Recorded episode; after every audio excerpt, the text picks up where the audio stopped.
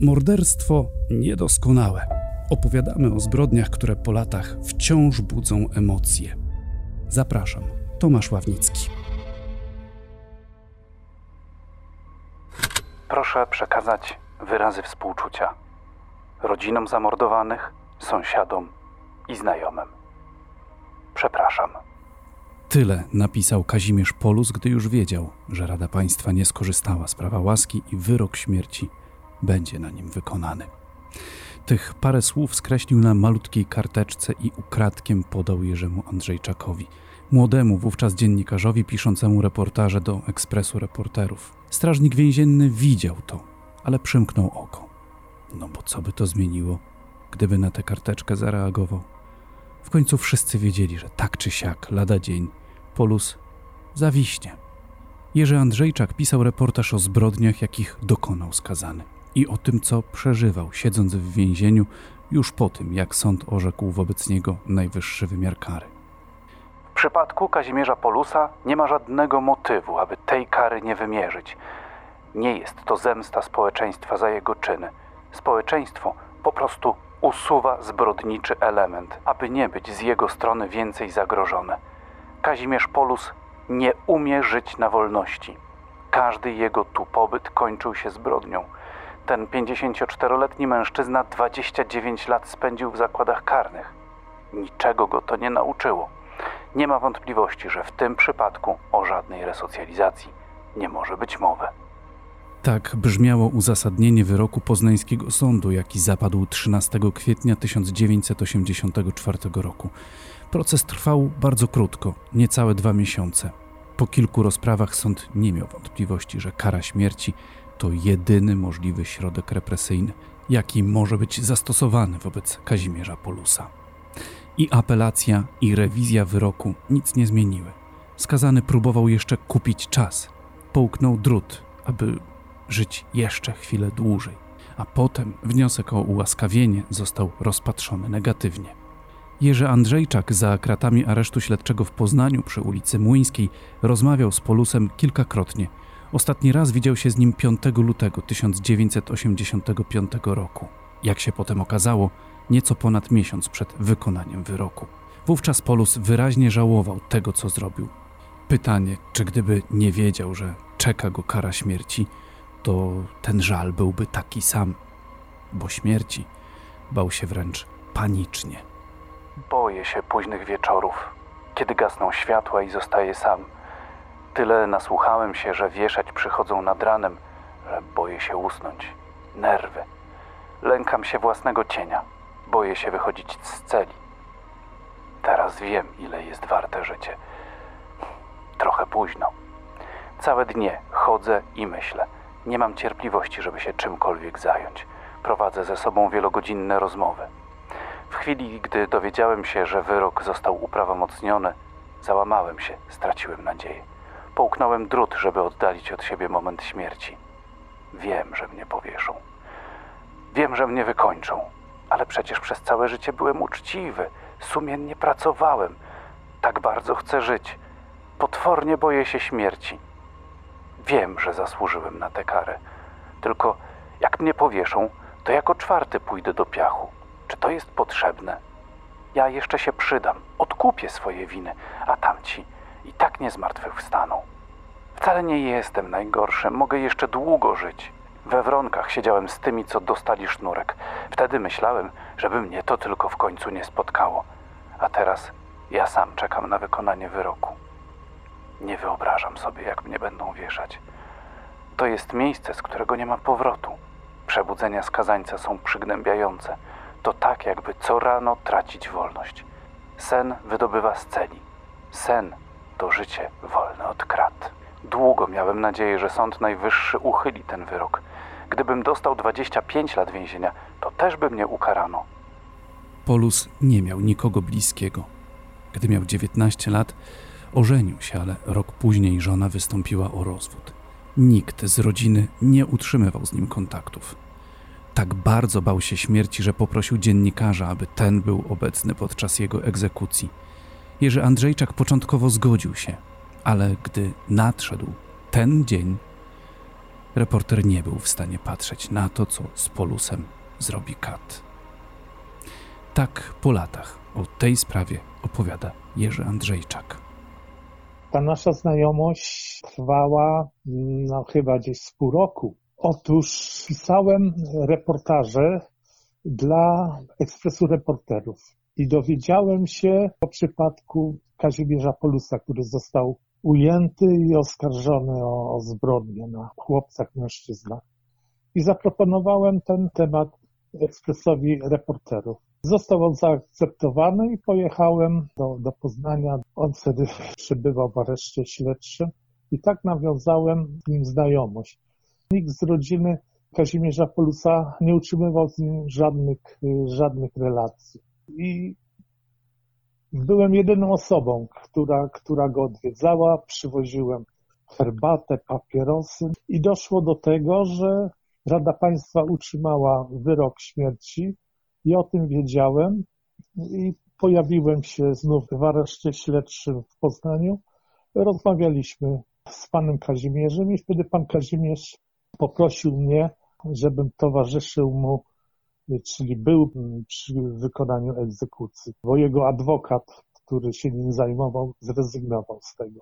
Pan się na to zdecydował? Podczas tej rozmowy powiedziałem tak panu Polusowi, że zgadzam się na, będę przy nim, będę jakimś tam wsparciem i, i że mm, skoro mnie prosi, to taki ludzki odruch jak gdyby mi podpowiada, że, że, żeby wyrazić zgodę. No i wróciłem do Warszawy i otrzymałem informację o dacie wykonania wyroku. To był marzec 85 roku i znów pojechałem do aresztu śledczego w Poznaniu i wtedy w gabinecie naczelnika siedziałem, czekałem, rozmawialiśmy tam przy kawie i naczelnik zapytał mnie, czy podtrzymuję tę swoją decyzję, że chcę wziąć udział w egzekucji. No i wtedy emocje okazały się silniejsze.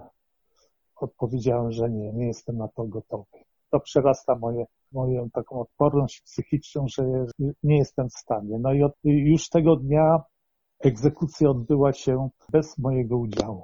Żałuje pan teraz tego? Żałuję tego, tak, tak. Teraz tego żałuję. No ale wtedy ja miałem 28-29 lat, byłem młodym człowiekiem i teraz tym doświadczeniem, jakie mam, to moja decyzja by była inna i, i bym chciał y, wziąć udział w tej egzekucji. Tym bardziej, że potem wiele miałem rozmów y, z adwokatami, z lekarzami, którzy uczestniczyli w egzekucjach. To była taka wyjątkowa okazja, jak się okazuje, jedyna w życiu. Wyjaśnijmy, za co zawisł Kazimierz Polus. Był nazywany rzeźnikiem z Wildy i miał na sumieniu wyjątkowo okrutne zbrodnie. W wieku 24 lat został skazany na 10 lat więzienia za napad i gwałt. Odsiedział 7. Szybko na wolności popełnił kolejne przestępstwo. W wieku 32 lat został skazany za czyny lubieżne wobec dzieci. Znów na 10 lat więzienia. Tym razem odsiedział całość. Wyszedł na wolność w 1971 roku. Zamieszkał w Szczecinie, podjął pracę w szczecińskich zakładach celulozowo-papierniczych. Jeszcze tego samego roku zgwałcił i zamordował ośmioletniego chłopca, Irka. Spotkał go na mieście. Powiedział, że ma dla niego rowerek, a dziecko się nabrało i poszło z nim. Zwłoki chłopczyka wsadził do worka i wywiózł na wysypisko śmieci. Milicja zatrzymała Polusa, był jednym z głównych podejrzanych, ale nie znaleziono mocnych dowodów i puszczono go wolno. W 1975 roku powrócił do Poznania, podjął pracę w MPK. W grudniu tego roku swoich ofiar, młodych chłopców, wypatrywał na poznańskim dworcu głównym PKP. W oko wpadł mu 17-letni Henryk, uczeń zawodówki. Chłopak powiedział, że szuka jakiejś pracy. Polus obiecał, że pomoże mu w znalezieniu zajęcia i pojechali razem w okolice jeziora Maltańskiego. Zabrał go do barakowozu. Tam zaproponował chłopakowi seks. Siedemnastolatek odmówił, a Kazimierz zabił go tym, co znalazł pod ręką potężnym szklanym luksferem, uderzając go wielokrotnie w głowę. Zwłoki chłopaka zakopał obok barakowozu na głębokości metra. Tym razem Nie znalazł się nawet w gronie podejrzanych. Ale znów trafił za kraty. W 76 roku został skazany za czyn lubieżny na trzynastolatku. Dostał 5 lat więzienia, wyszedł po czterech. Wrócił do pracy w MPK. I wrócił też do tego, co robił wcześniej. W pracy poznał lekko upośledzonego 21-letniego Janusza. Obaj pracowali przy myciu wagonów. Kazimierz szybko zorientował się, że Janusz ma spore pieniądze. Chciał je wydać na leczenie za granicą. Polus obiecał pomoc. 21-latek przyniósł do mieszkania starszego kolegi z pracy sporą gotówkę. Ten zaś chwycił za siekierę i zamordował młodego mężczyznę. Potem jego ciało porąbał i pokroił na kawałki. Oddzielnie głowa, oddzielnie ręce, oddzielnie nogi i korpus. Jedne części ciała poszły do kartonów, inne do worków. Karton z głową i z rękami oraz worek z nogami zawiózł taksówką za miasto. Wyrzucił je na polu. Do domu wrócił po drugi karton z korpusem i z nim też jedzie za Poznań, ale w zupełnie innym kierunku. Nogę Janusza na polu w plewiskach odnalazło dziecko. Na miejsce przybyła milicja, znalazła też odciętą głowę. Nikt z mieszkańców miejscowości nie znał Denata. Funkcjonariusze zdecydowali się opublikować w poznańskiej prasie zdjęcie twarzy zamordowanego. Ktoś rozpoznał, że to Janusz z MPK. Szybko udało się ustalić, że młody mężczyzna ostatni raz był widziany w mieszkaniu Kazimierza Polusa. Sprawca został zatrzymany. Najpierw przyznał się do zabójstwa 21-letniego Janusza, po paru dniach przesłuchań potwierdził, że ma na sumieniu więcej. Także 17-letniego Henryka i 8-letniego Irka. Wskazał, gdzie ukrył zwłoki nastolatka. Wszystko się zgadzało. W okolicach jeziora Maltańskiego milicja odkopała szczątki ofiary Polusa. Sprawca zaś wyjawił, że zbrodnie te miały charakter seksualny, że gdy ugodził ośmiolatka nożem, miał wytrysk, że gdy rozebrał zabitego już siedemnastolatka, też miał wytrysk. W ostatnim słowie przed poznańskim sądem Polus prosił, by nie skazywać go na karę śmierci. Potępiam moje czyny. Wyrzutów sumienia nie wyzbędę się nigdy. Nie chciałem zabijać. To byli młodzi ludzie, mogli jeszcze długo żyć. Nie wiem, co się ze mną stało. Chciałbym się zrehabilitować. Proszę darować mi życie. W rozmowie z Jerzym Andrzejczakiem Kazimierz Polus przekonywał, że jest chory, że nie pamięta tego, jak zabijał i nie rozumie tego, co się z nim wtedy działo. Dostał pan od Polusa gryps. Co było w tym Tak. grypsie? Tym grypsie mm, takim, takim drobniutkim pismem była prośba, żebym odnalazł, skontaktował się z rodziną y, jego ofiar i przeprosił. I przeprosił i jak gdyby usprawiedliwił go, że on był niepoczytalny, kiedy, kiedy mordował swoje ofiary. I to były trzy, trzy, cztery takie zdania, drobniutkim pismem napisane. I co ciekawe, bo te rozmowy moje, te moje spotkania z Polusem odbywały się w obecności strażnika więziennego. I ten strażnik więzienny widział ten moment, kiedy żegnałem się, podawałem rękę Polusowi i że Polus przekazał taki gryps. No ale w ogóle nie, nie interweniował i po prostu wzrokiem potwierdzi, że on to widział, ale okej.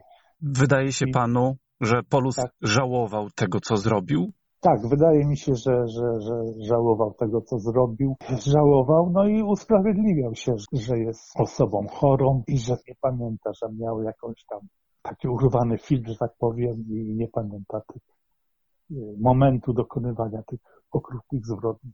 A gdyby nie wisiała nad nim kara śmierci, myśli pan, że też by żałował? Wydaje mi się, że oczywiście, żeby żałował. Tylko chciałem podkreślić, że to był prosty człowiek. Ja nie wiem, czy on nawet szkołę podstawową ukończył. To, co mówił, to były takie jego proste słowa. No i czułem, czułem taką skruchę w tej jego postawie, kiedy z nim rozmawiałem. A czy kat Edward pamiętał wykonanie wyroku na Kazimierzu Polusie? Nie, ja pytałem i nie pamiętał. Zresztą w tych rozmowach ja często chciałem się dowiedzieć o szczegóły kolejnych egzekucji i nie pamiętał. I tak doszliśmy do kata Edwarda, którego Jerzy Andrzejczak spotkał po raz pierwszy 15 marca 1985 roku w gabinecie naczelnika aresztu śledczego w Poznaniu.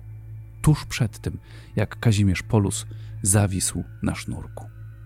Później, już w latach 90., spotkań Andrzejczaka z Katem było o wiele więcej, najczęściej w jakichś knajpach w Warszawie. Wówczas już Kat nie pamiętał tego skazanego z Poznania, bo w ogóle raczej nie zapamiętywał nazwisk i twarzy tych, których wieszał, a powiesił coś około stu.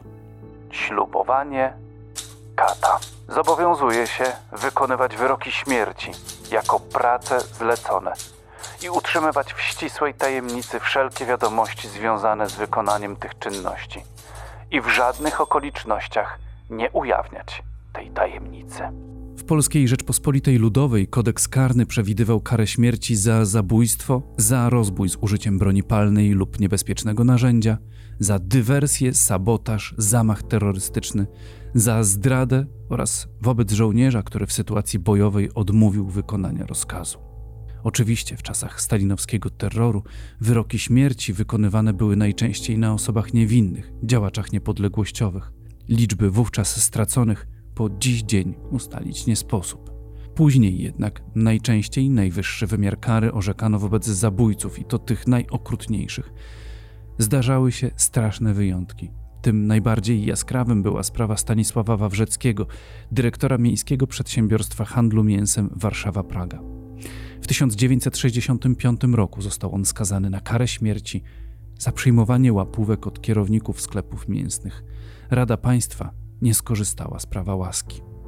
Nie jest tajemnicą, że Władysław Gomułka był gorącym zwolennikiem kary śmierci. Kat Edward nie ma pewności, czy to prawdziwe imię, ale do tego jeszcze dojdziemy. Pracę w tym fachu zaczął dekadę później, połowie lat 70. Sprawa wykonania wyroku śmierci na Wawrzeckim nie obciąża więc jego sumienia. Te kwestie Kat Edward komentował jednak niechętnie. Nie chciał powiedzieć, czy on ten wyrok by wykonał. Ale stwierdził, że skoro sąd tak zdecydował, skoro takie są opinie biegłych, to w sumie nie jemu dyskutować z wyrokami otrzymywał informację telegramem zaszyfrowaną, że tego i tego dnia ma być w danym i w danym miejscu. No i po prostu brał delegację i jechał do zakładu karnego, gdzie miał wykonać egzekucję. Drugi kat, ale o tym drugim kacie, bo ich było dwóch, on miał swojego pomocnika, ale o tym drugim kacie on też niewiele, niewiele mówi. Wiem, że miał pomocnika. I to w dwójkę się udawali na wykonanie egzekucji. Skazańców wieszano albo wcześnie rano, albo późnym popołudniem. Z instrukcji dyrektora Centralnego Zarządu Zakładów Karnych. Na wyposażenie mundurowe wykonawców kary śmierci składają się garnitur czarny, koszula biała, czarny krawat, osłona twarzy, skarpety czarne, białe skórzane rękawiczki. Kat Edward na miejsce egzekucji jechał zawsze swoim samochodem. Co robił po? Szedł na wódkę. Sam, bez swojego pomocnika. W trakcie wieszania skazańca Kat miał zawsze zasłoniętą twarz. Widoczne były tylko oczy, dlatego mało kto wiedział, jak wygląda. Zazwyczaj tylko szefowie zakładów karnych i aresztów. Tak właśnie twarz Kata zobaczył reporter Jerzy Andrzejczak, gdy był w gabinecie naczelnika aresztu śledczego w Poznaniu, tuż przed powieszeniem Kazimierza Polusa. A potem, po latach, w roku 90 zobaczył go w Warszawie na spotkaniu klubu anonimowych alkoholików i dobrze pamiętał, skąd zna tę twarz. Spotykali się wielokrotnie od roku 90 do 93. Bywały to trudne rozmowy. Kat kategorycznie zabronił nagrywania tych rozmów na dyktafon. Chodziło mu o pełną anonimowość, żeby jego głos nie został zarejestrowany. Na początku podczas tych spotkań nie było mowy o podawaniu ręki.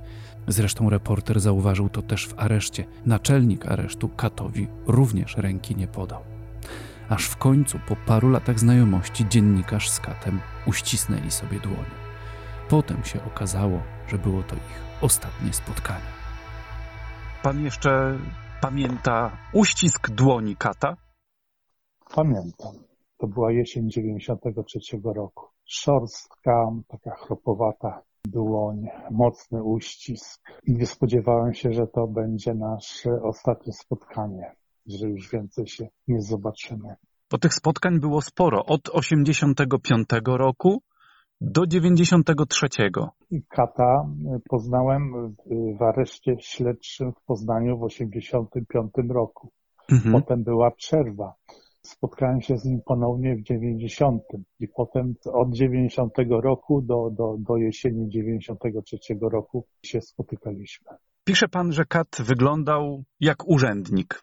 Co to oznacza jak urzędnik? Niepozorny mężczyzna w garniturze dwurzędowym, bo to też zapamiętałem.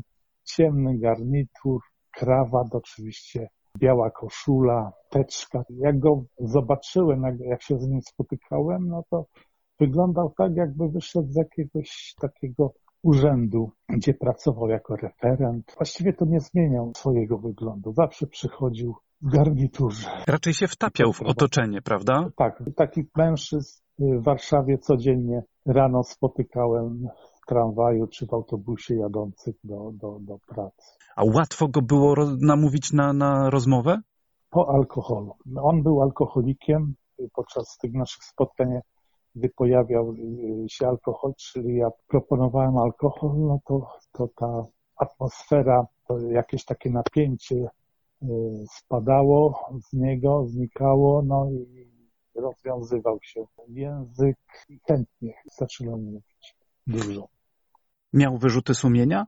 Różnie to było. To zależało od jego takiego samopoczucia. Była taka huśtawka e, nastrojów. Zauważałem, że z jednej strony e, raz to twierdził, że ktoś tę pracę musiał wykonywać i on działał zgodnie z zasadami. Kat wykonywał tylko wyroki i tak dalej, i tak dalej. A podczas kolejnego naszego spotkania, no to wpadał w taką depresję, że tak powiem, tak, i zaczynał się użalać, że trochę to przypadek zadecydował, zadecydował za niego, że został tym katem.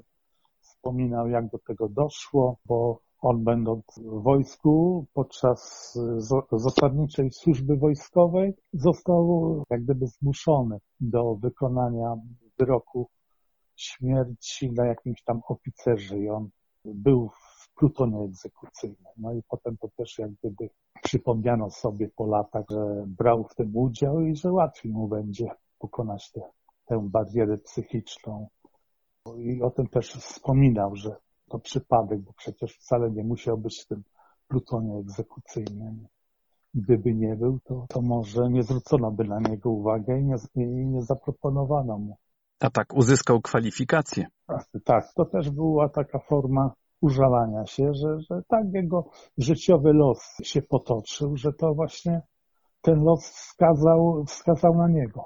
On był katem w sumie 13 lat. Jak pan się dowiadywał, około 100 wyroków wykonał. Tak wychodzi, że jeśli to 100 wyroków na 13 lat, to nie jest aż tak dużo pracy. To sporo wolnego czasu. Ale on był etatowym pracownikiem więziennictwa.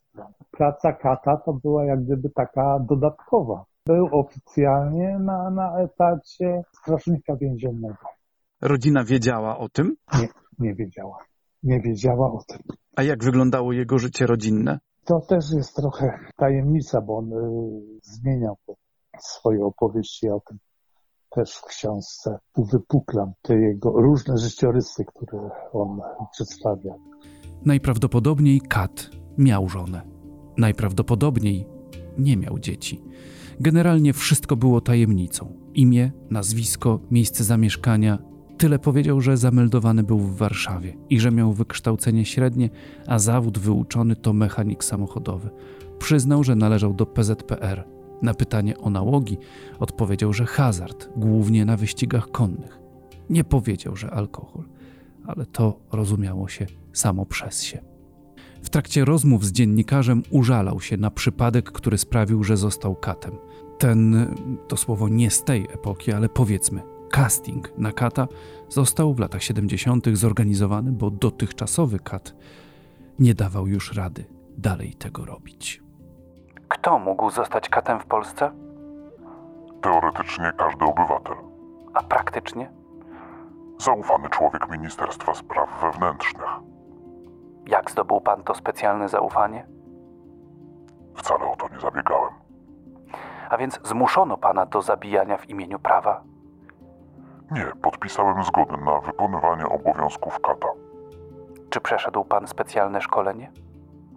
Tak, Ile trwało szkolenie kata? sześć miesięcy. Jak wyglądało? To były wykłady z biologii, fizyki, prawa i etyki. Byłem też obserwatorem kilku egzekucji. Czy był pan jedynym katem w Polsce? Nie, było nas dwóch i razem pracowaliśmy. Czy wspólnie zabijaliście? Tak, Czy znał pan swojego poprzednika? tak. Dlaczego przestał zabijać? Z jakiego powodu musiał pan zostać jego następcą? Nie wytrzymał psychicznie. Załamał się nerwowo i zaczął nałogowo pić. Został alkoholikiem. Kiedy przeszedł na emeryturę, przejąłem jego obowiązki. Ktoś musiał wykonywać w społeczeństwie te funkcje. A ponieważ nie miałem żadnych oporów moralnych i psychicznych, podjąłem się tego odpowiedzialnego zadania. Ilu zawodowych katów było w Polsce po II wojnie światowej? Przynajmniej czterech. Co może pan o nich powiedzieć? Pierwszy został katem zaraz po kapitulacji Niemiec. Był on zasłużonym przedwojennym komunistą i został mianowany dowódcą egzekucyjnego plutonu. Przekonano go, że wyroki należy wykonywać w imię wyższych idei dla dobra socjalistycznej ojczyzny. Jego partnera nie znałem i niewiele o nim słyszałem. Ile wyroków wykonali polscy kaci w latach 1945-1988? Na pewno w pierwszym dziesięcioleciu kat miał najwięcej pracy. W tym okresie zginęło najwięcej niewinnych ludzi, którzy mieli inne poglądy polityczne. Ten mroczny okres w naszej historii naznaczony jest wieloma plamami niewinnej krwi. Niestety nie zachowały się żadne dokumenty o wykonanych egzekucjach. Ministerstwo Spraw Wewnętrznych nie dysponuje też danymi personalnymi ludzi, którzy zostali straceni na mocy wyroków cywilnych i wojskowych sądów. Dane statystyczne prowadzone są od 1955 roku. Ilu Polaków zabito w imieniu prawa w latach 1955-1988? Przynajmniej 300 osób. Czyli na jednego kata przypada około 75 ofiar. Statystycznie.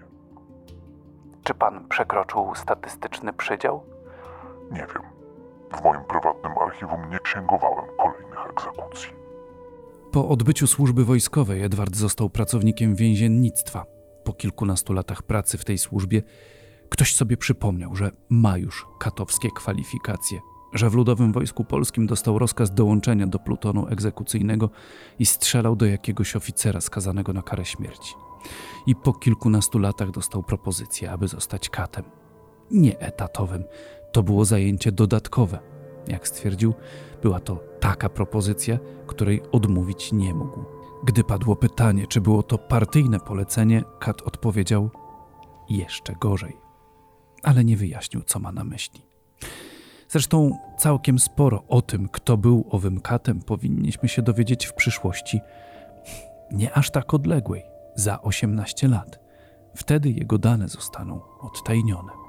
Ile lat miał Kat, jak się pan z nim spotkał już ten ostatni raz w 93 roku? No to mógł mieć gdzieś około 60 paru lat. Także dzisiaj by miał no 90 parę. Tak, tak to by wypadało. Bo potem już nigdy, nigdy nie udało się panu z nim spotkać. Nie wiem dlaczego tak się stało. Tym bardziej, że byli, byliśmy mm, umówieni, że gdy ukaże się książka, to ja dostarczę mu kilka egzemplarzy. Chciałem mu to wynagrodzić, przekazać pewną kwotę. I liczyłem na to, że, że to spowoduje, że po prostu nie zniknie tak nagle, Mhm. że jeszcze będziemy mieli kontakt. No, stało się jak się stało. Czy on zdawał sobie sprawę z tego, że jego dane zostaną ujawnione w 2038 roku? Tak, tak, tak. Yy, Zdawał sobie sprawę, ale w ogóle się tym nie przejmował. To dla niego 50 lat była tak odległa yy, przyszłość, że, że, że w ogóle nie przejmował się tym i niewiele o tym mówił. Pan zna jego imię, chociaż kto wie, czy to prawdziwe. Tak, bo on miał, to nie jest tajemnicą, że miał dwie tożsamości. Dwa dowody osobiste, chociaż mi tego nie pokazał, ale, ale miał dwie, dwie tożsamości. Jedną jako kat, a drugą jako ten szeregowy pracownik więziennictwa. Całkiem sporo Kat wyjawił o ostatnich chwilach skazańców, że mało który pod pętle szedł pokornie, że raczej stawiali opór, choć specjalna instrukcja opisywała, że wyprowadzając z celi skazanego na karę śmierci, należało go, mówiąc wprost, oszukać, aby nie wiedział, że to już. W rozmowach wyszło także, ile Kat na tym zarabiał, ale do tych wątków oraz do rozmów ze skazanymi na karę śmierci powrócimy w kolejnym odcinku podcastu Morderstwo Niedoskonałe.